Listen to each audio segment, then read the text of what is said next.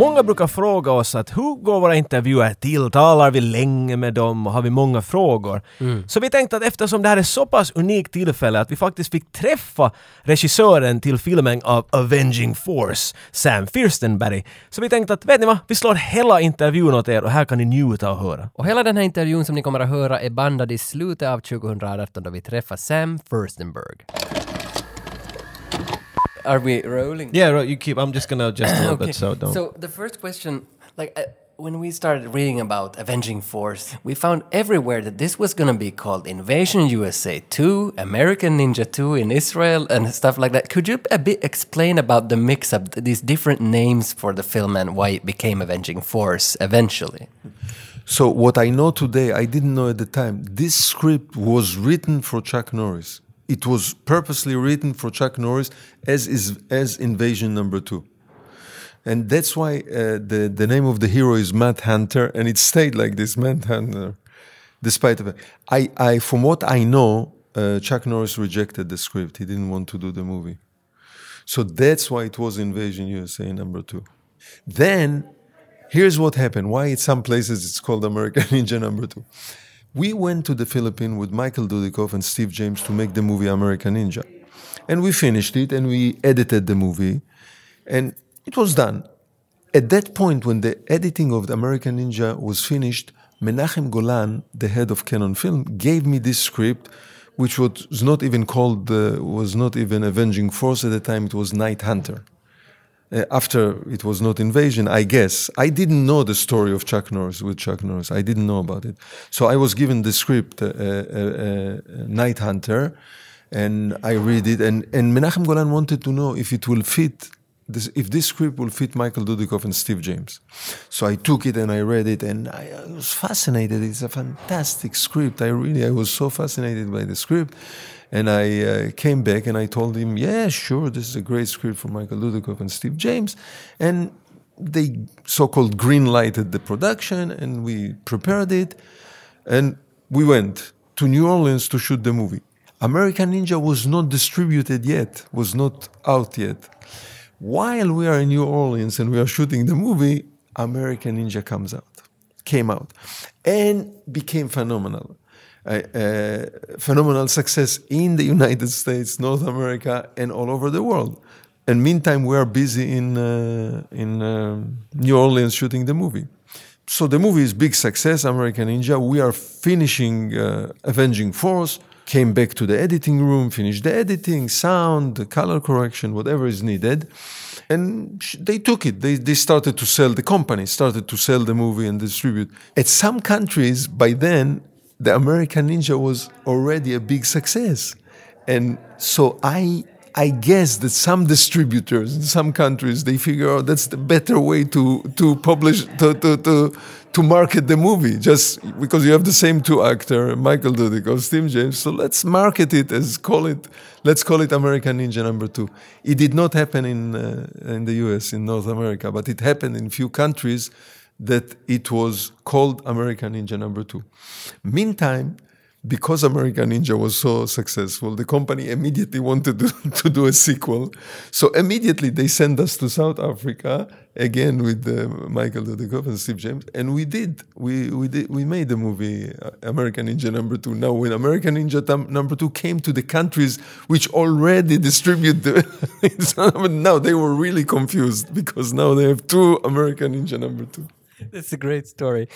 Uh, I was just going to ask what what happened. Like in, in I, I read it was in Israel, American number American Ninja number two. But what happened in Israel when the real American Ninja two came out in the cinemas? So I don't know. Maybe, it's maybe three, they call two, three, and and then came number three. I don't know what they did. I, I I didn't follow up. Maybe then they called it number three. I I don't know. I didn't follow up.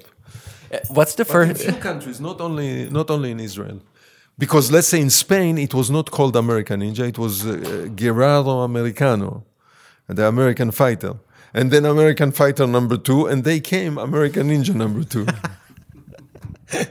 they won't make three. Don't worry about it. Just put it out. oh crap! They made three.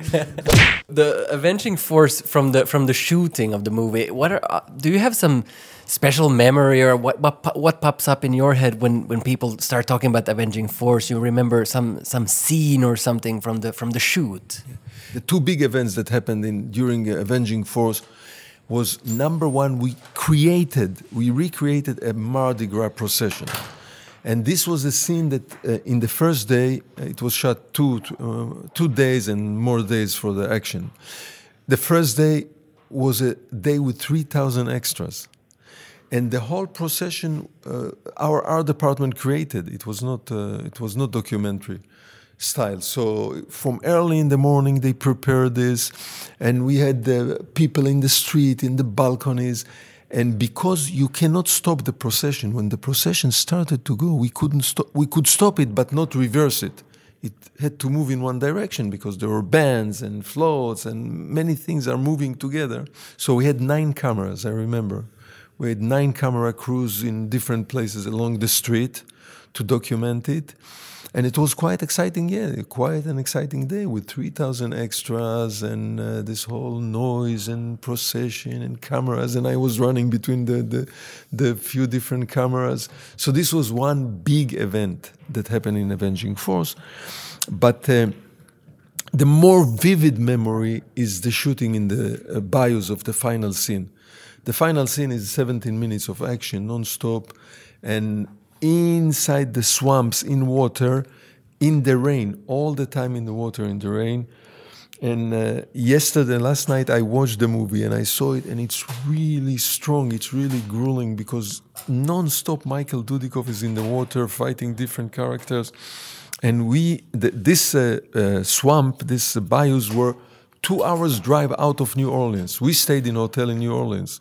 So every morning, uh, four o'clock in the morning, all the crew, everybody in the buses waiting for us. We drove two hours to the uh, swamps and we started to work uh, uh regular day, not counting the drive and shooting 12 hours and then driving another two hours. And during the shoot, we were inside the water all the time the crew, whoever needed to be in the water. Not everybody was inside the water, but definitely the actors and us. And this was nature. So there were alligators and snakes in the water. So we had people guarding us all the time.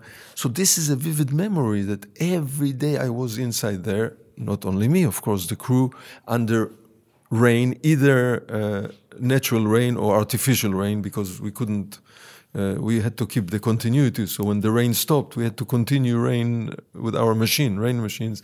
And this was the most vivid memory that every day, every day for two and a half weeks, I believe we were in this, in this water in the rain, uh, shooting action.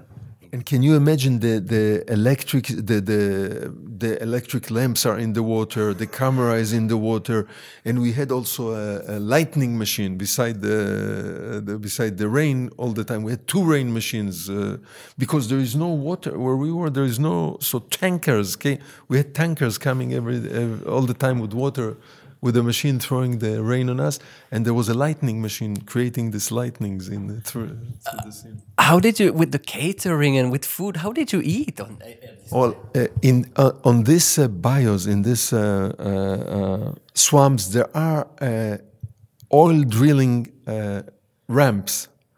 So we use those dry oil drilling ramps to, to stage the so-called the camp, the trucks, the food, the, the table. But of course, they are out of frame. We never show them. But uh, some distance, you know, like maybe 20 meters away from where we're shooting, there were those dry land that was for the oil pumping. I have to say I'm jealous because I I haven't seen Avenging Force yet. It, it, passed me by. I saw all the American Ninja movies probably several times, but I haven't seen Avenging Force. And when we heard with Tage that that we actually have the possibility to see it on, on big screen. I was like, I'm gonna save myself, my virginity to the movie in that sense. But this this got me thinking because tomorrow is gonna be my premiere of, of Avenging Force. Do you remember the premiere of Avenging Force? No, I'll tell you. When we finished, uh, I've just mentioned before, the company was really eager to make American Ninja number two. They were crazy because the, the first one is is doing well, and you know what do you do in Hollywood? You want to money make more train. money, money, money, money. So sequel. So the day we finished the editing, I remember during the editing of Avenging Force, I already started to work with the writer Gary Conway on preparing a script for American Ninja Number Two. And I think the day we finished the editing in the sound mix, we were already on an airplane on our way to South Africa. To, so I wasn't around when the movie opened. I don't even know what happened. I know that something interesting happened, did happen.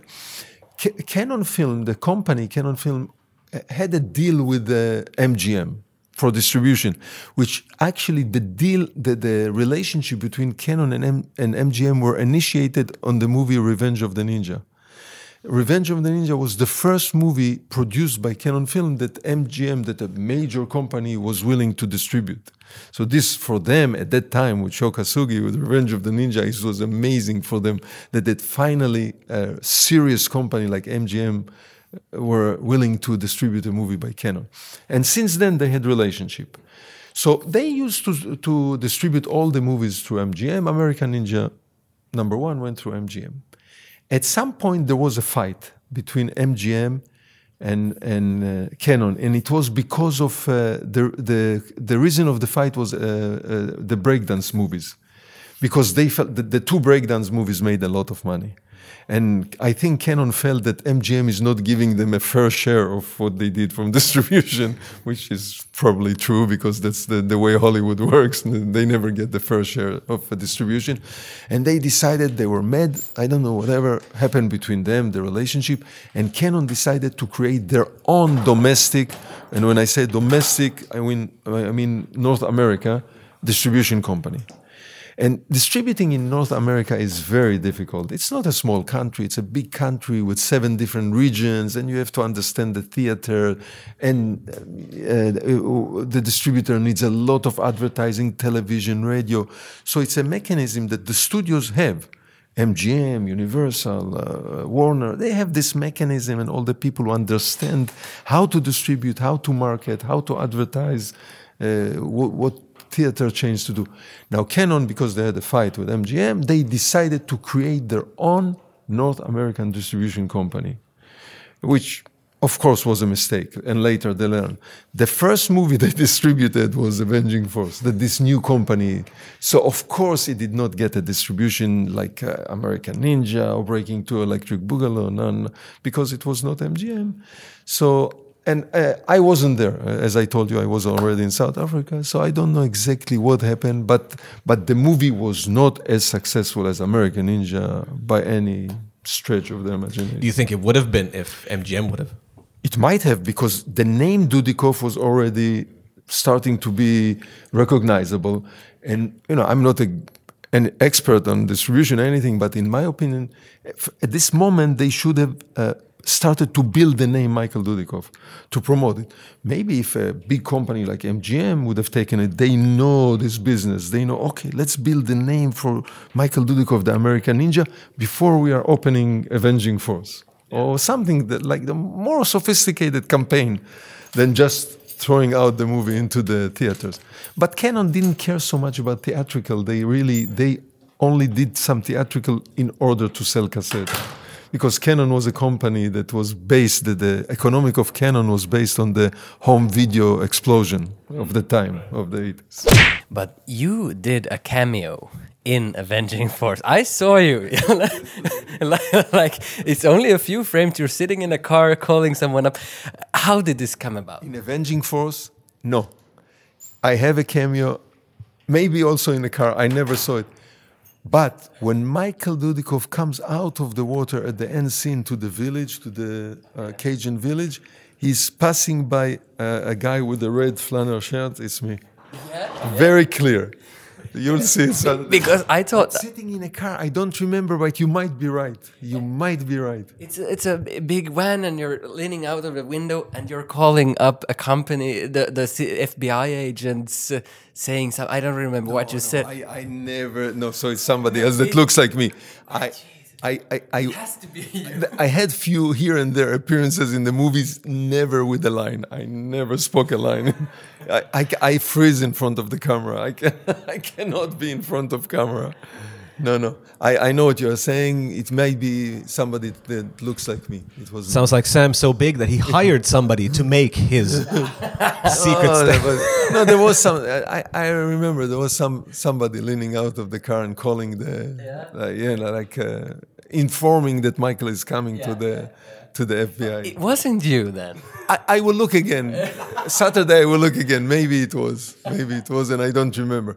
I remember that I was one of the Cajuns. The, and, and usually it was the crew, you know, like the crew always wanted to make jokes, so they put pressure on me. No, no, you must be the wardrobe girls, and the, yeah, no, no, you must be in the scene, you must be in the scene. Take it off. Uh, I wanted to ask you about John P. Ryan, the guy who plays Elliot, the bad guy. Uh, what what happened with him? He is phenomenal. Is it is it like you as a director, you pulled the phenomenality out of him, and no one else could do it because he didn't after this show up in any big Bond movies or anything. He should have been like the new Alan Rickman because I really love that guy. Do you know what happened to him after yes, this? Yes, yes. First of all, I saw him first in Runaway Train.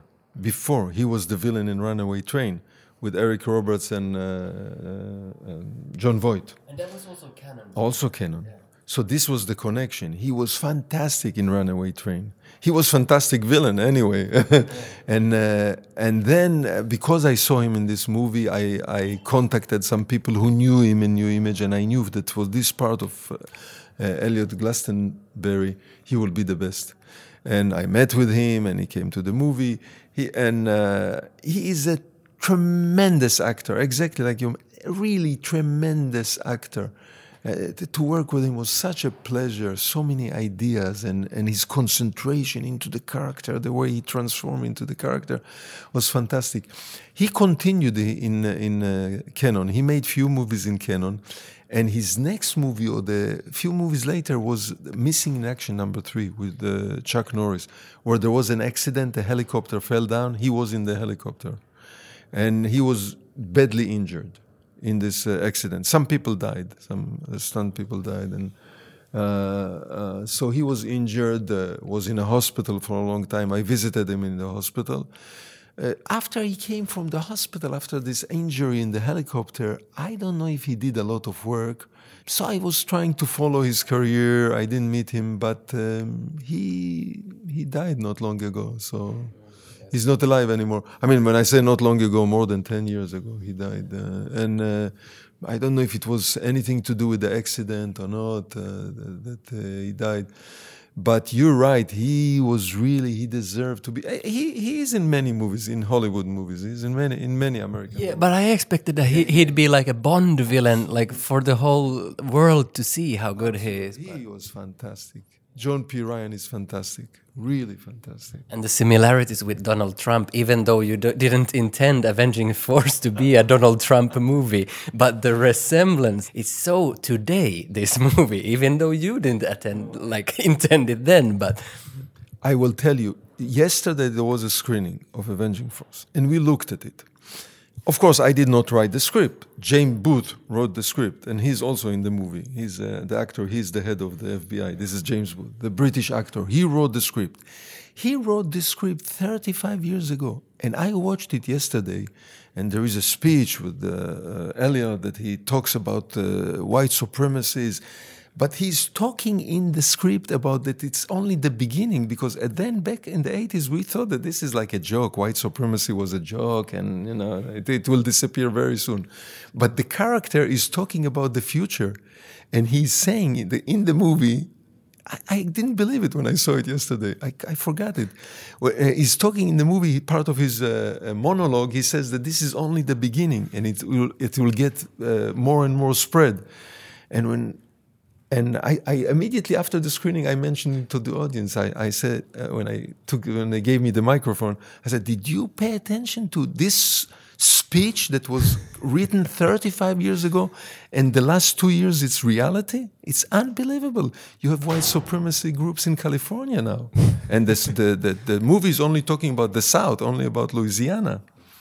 Wow, it really is amazing that something like this is. It was almost prophecy. This uh, this script. Of course, it's an action script. It's not. it's not a political script, but there is a political overtone to this script. to this Reality imitates art. It, it goes around in circles, clearly. But in circles that you don't believe. You, do. we wouldn't imagine 35 years ago that it will happen. But that's also the beauty of cinema, that sometimes out of circumstances that, that you don't believe, movie that was made long ago, suddenly it materialized. Suddenly, what what you know, maybe even a futuristic movie or so, and suddenly it's reality. It really happened. So that's the nice thing about cinema. Those ties that goes up and down in circles that repeats themselves. You've been in Finland now for for how many? Th- three days, two days, Few days, yeah. two days. few days, few days. I Few came, days. Uh, Sunday, Monday. it's getting gray now. You know. it's cold. I'm not going out. Yeah, I understand. Well, that's what I was going to ask about because you spend enough time, in my opinion, here to say yes or no to the question: Could you, could someone make a Finnish ninja movie, like an American ninja? Could you make a Finnish ninja? Is this possible? Physically, it's possible. You can make uh, any ninja movie any place in the world. That's that's not the question. But in a s in the worldwide B movie genre movie uh, audience, for some reason, they expect to see Hollywood movie. Right. Yeah. No matter where you- I went to the world, I, I traveled around the world through production or just visiting, and I like to talk with young people. Sometimes I see people waiting in a line to buy ticket in a theater, and I start to talk with them. I was in Indonesia once, and I talked with the young group of people standing in the line, and uh, I, I asked them, "Would you see an Indonesian movie?" They say, "No, we want to see Right, yeah. only Hollywood-made movies." So, to answer your question, physically you can do it. The question: Will people go and see a movie about a Finnish ninja? this is my this is my only question, because the the, the it's a uh, it's a way of thinking about cinema worldwide. I'm talking worldwide. Worldwide, that a movie action genre movie, uh, you know, may, also horror movies, action movies. They should be a Hollywood American Americanized story Yeah. And uh, that's why and that's why uh, you know the, some tricks that we did ourselves when we did movies when i directed the american ninja it's in the philippines but it takes place in an american military base Yeah. to americanize To the give it story that- so it was yeah. purposely and uh, later on we did the same trick in american ninja number two and I went with David Bradley to Africa to uh, to make a Cyborg Cop. You don't know that you're in Africa. Right. Uh, we made it like a Caribbean island uh, off the shore of America, and all everything looks very American. And this is just for a commer- from a commercial, from a marketing point of view. Yeah. Right. Right. right. That, that's all.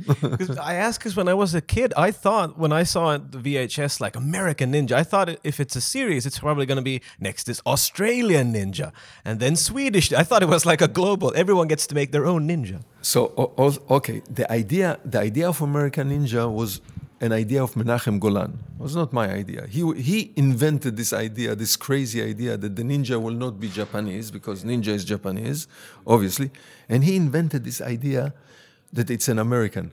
But his idea was exactly the opposite of what you are saying. His idea was not that it will be next will be Aus- Australian. He, he all his uh, you know his all uh, creative forces in Cannon Company was to create more and more concentrate this idea of Americanization. So. Uh, so he made the movies with Chuck Norris. He signed Chuck Norris. Then he, signed Char- uh, Charles Bronson. So the movies will be more. The movies of the company will be more and more American. And he took Van Damme and he made Van Damme American, so to speak. You know, uh, Van Damme was not an international guy. He was American, fighting yeah. in the streets of America. So actually, it's nice. Uh, As a kid, you thought this way, but It would have been fun. Yeah, been but fun. the Menachem Golan's idea was the other way to make his movies are more and more and more American. he wanted to make money. I wasn't thinking Yeah, about yeah, that. yeah. It Of makes course, sense. It makes sense. I don't blame him. I don't blame him. You are this martial arts mega ninja director, done every ninja movie in the world. And we were wondering, what are the movies that you watch at home? Say, like when you arrive at home next week, put on a movie, what is it? Well, of course, I believe the taste changes with age. I'm not a young kid that are crazy about the action movie that will stand in line in the, before the theater the, to see the first opening of the first uh, latest action movie. And though when I was a kid, th- this is the type of movies that I saw. I saw westerns, I saw James Bonds, etc. But I prefer nowadays. Uh, straight drama, good dramas. I'll just give an example: uh, "The Darkest Hour," the, the, story about Churchill. You know, I still like uh, uh, traditional drama. You know, with beginning, middle, and end, uh, protagonist, antagonist, uh, uh, some obstacles to overcome with the with the resolution, strong resolution, and the ending but uh, I'm open and, and I'm open to any kind. I, I, enjoyed very much Moonlight, which is experimental drama, because the acting was so good, the subject was so interesting. So nowadays, I would love to. I, I, I can enjoy a good action movie. I enjoyed very much uh, Baby Driver, but because it was not a standard movie. I don't like to see a material that is recycled again and again. So the Avengers and then the Iron Man and then the and, and they all look to me like the same movie that I'm going and I see the same movie again and I see the same just different costumes and the same movie again. but here you see Baby Driver. Wow, this is different. Different style, different thinking, different so I enjoyed it. We have discussed in the podcast like several times Avengers and Marvel movies that it's almost every time the exact same script. They just changed the poster. well, there is a reason. The Hollywood today is is being run by Wall Street people, not by creative people.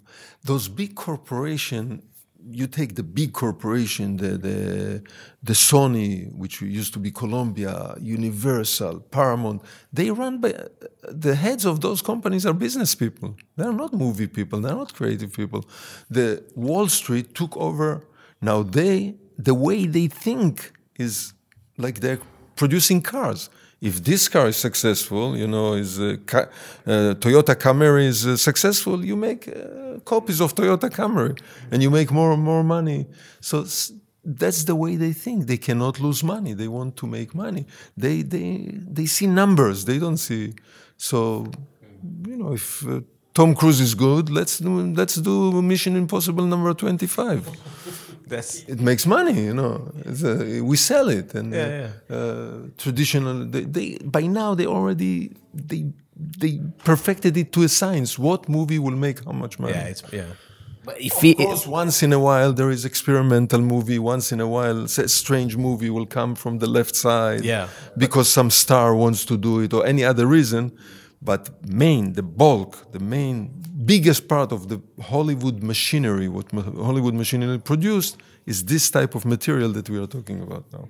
And it feels like all the creative people have moved to TV, like Handmaid's Tale and the big series, because they are still creative and good series, and even new thinking and creativeness is shown all over. So it feels like the good directors, cinematographers, everyone has moved to TV because there they can do what they want to do. And the Wall Street people makes Avengers. The, the truth is that it's beyond, the, it's now streaming, it's over TV. Now it's the, the companies who really are open for creative are Netflix and Amazon.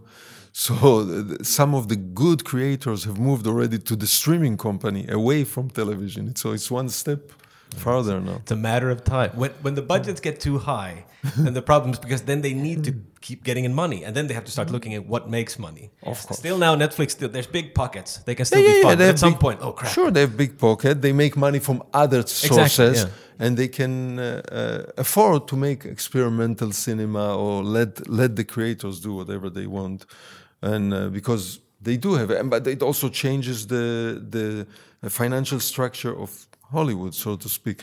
The the studios need, you see, studios don't make money only from the movie. No, no. For us, it looks like okay, it's a movie, it goes to the theater, but for them, it's also T-shirts. There's also money. You understand? They, they, they, they sell little dolls. It's money. They, uh, if it, a movie is successful, they open another section in the theme park. Mm. Uh, so for them, money is not the way we see it. We see it only in the movie. They look at it in completely different way. Right, right. It's a big, huge revenue source. The movie is only the locomotive that pulls the train. even if you don't look at much action movies today, do you have an opinion about action movies today? I, I do, I do. And, uh, uh, both ways. I, let's say there is a positive side and negative side.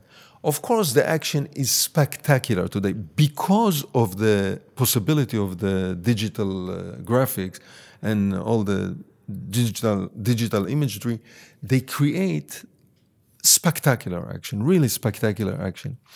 On the other hand, I see action movies and I don't get I do not get anymore the feeling of the what I call the pain, the raw feeling of that the action is really happening in front of your eyes. Uh, even if you are not a technical person, if it's a blue screen type of a of a effect, you you sense it that it's not real. Uh, so now, of course, it's spectacular. You go to, you see Fast and Furious, and a car comes out of one uh, roof and flies over a river and lands on the. Now you know, uh, a car will not fly over a river and lands on the other side. It's spectacular. It's beautiful, but you are missing the feeling that the actors, the people who performed, who did the action, were really there. So I'm just bringing Avenging Force as sample. Last night I saw when Michael Dudikoff falls into the water on a log or on a log. It's Michael Dudikoff falling on the, in the water, and uh, I mean, of course, we have safety and we have many things, but you get this feeling of raw force of of, of the force that the stuff really happening. And when I go and see big movies, beside and not only this, beside the fact that a- lot of optical uh, uh, graphics are being used and uh, optical sets, etc., the editing is so fast in order because really the, the stars they are not going and doing the action today. In the big action movies, there is a second unit that goes and shoot the action uh, weeks ahead of time with doubles, and then the actors are coming in just for a few close-ups. And in order to uh, mask the problem, the editing is very quick and fast, and you don't have the chance. They don't stay on like a wide shot to show you the action. We tried, of course, we didn't stay for, on a wide shot forever because it's boring and also it's impossible in action. But when there was a fight, there was a nice move, there was a, uh, a series of few moves. We tried. I tried to stay on the wider shot first and to show the choreography of the fight. It's almost like a dance, and to show that it's really being done. A kick, a punch, a counter punch, uh, somebody's falling, uh, standing up again. I try to stay on the wide shot as much as I can. Then, of course, we, we start to cut in, edit into the close up, into the medium shot. Today, it looks so fake to me in the in the latest movies that I saw. Maybe here and there, I, I don't want to generalize and say that every movie is like this, but in most of the big budget movies, you you get a succession of close-ups, of inserts, a hand, a punch, a face moving, and it's only an impression of action. You don't really see the action. It has to do also a little bit with the young generation. Uh, the very young generation, they grew up on video games, and this is the pace of video games. This is the type, the type of editing today is the type of uh, video game editing. But uh, sorry to say, I, I can see that the action is fake. It's not really action. You know?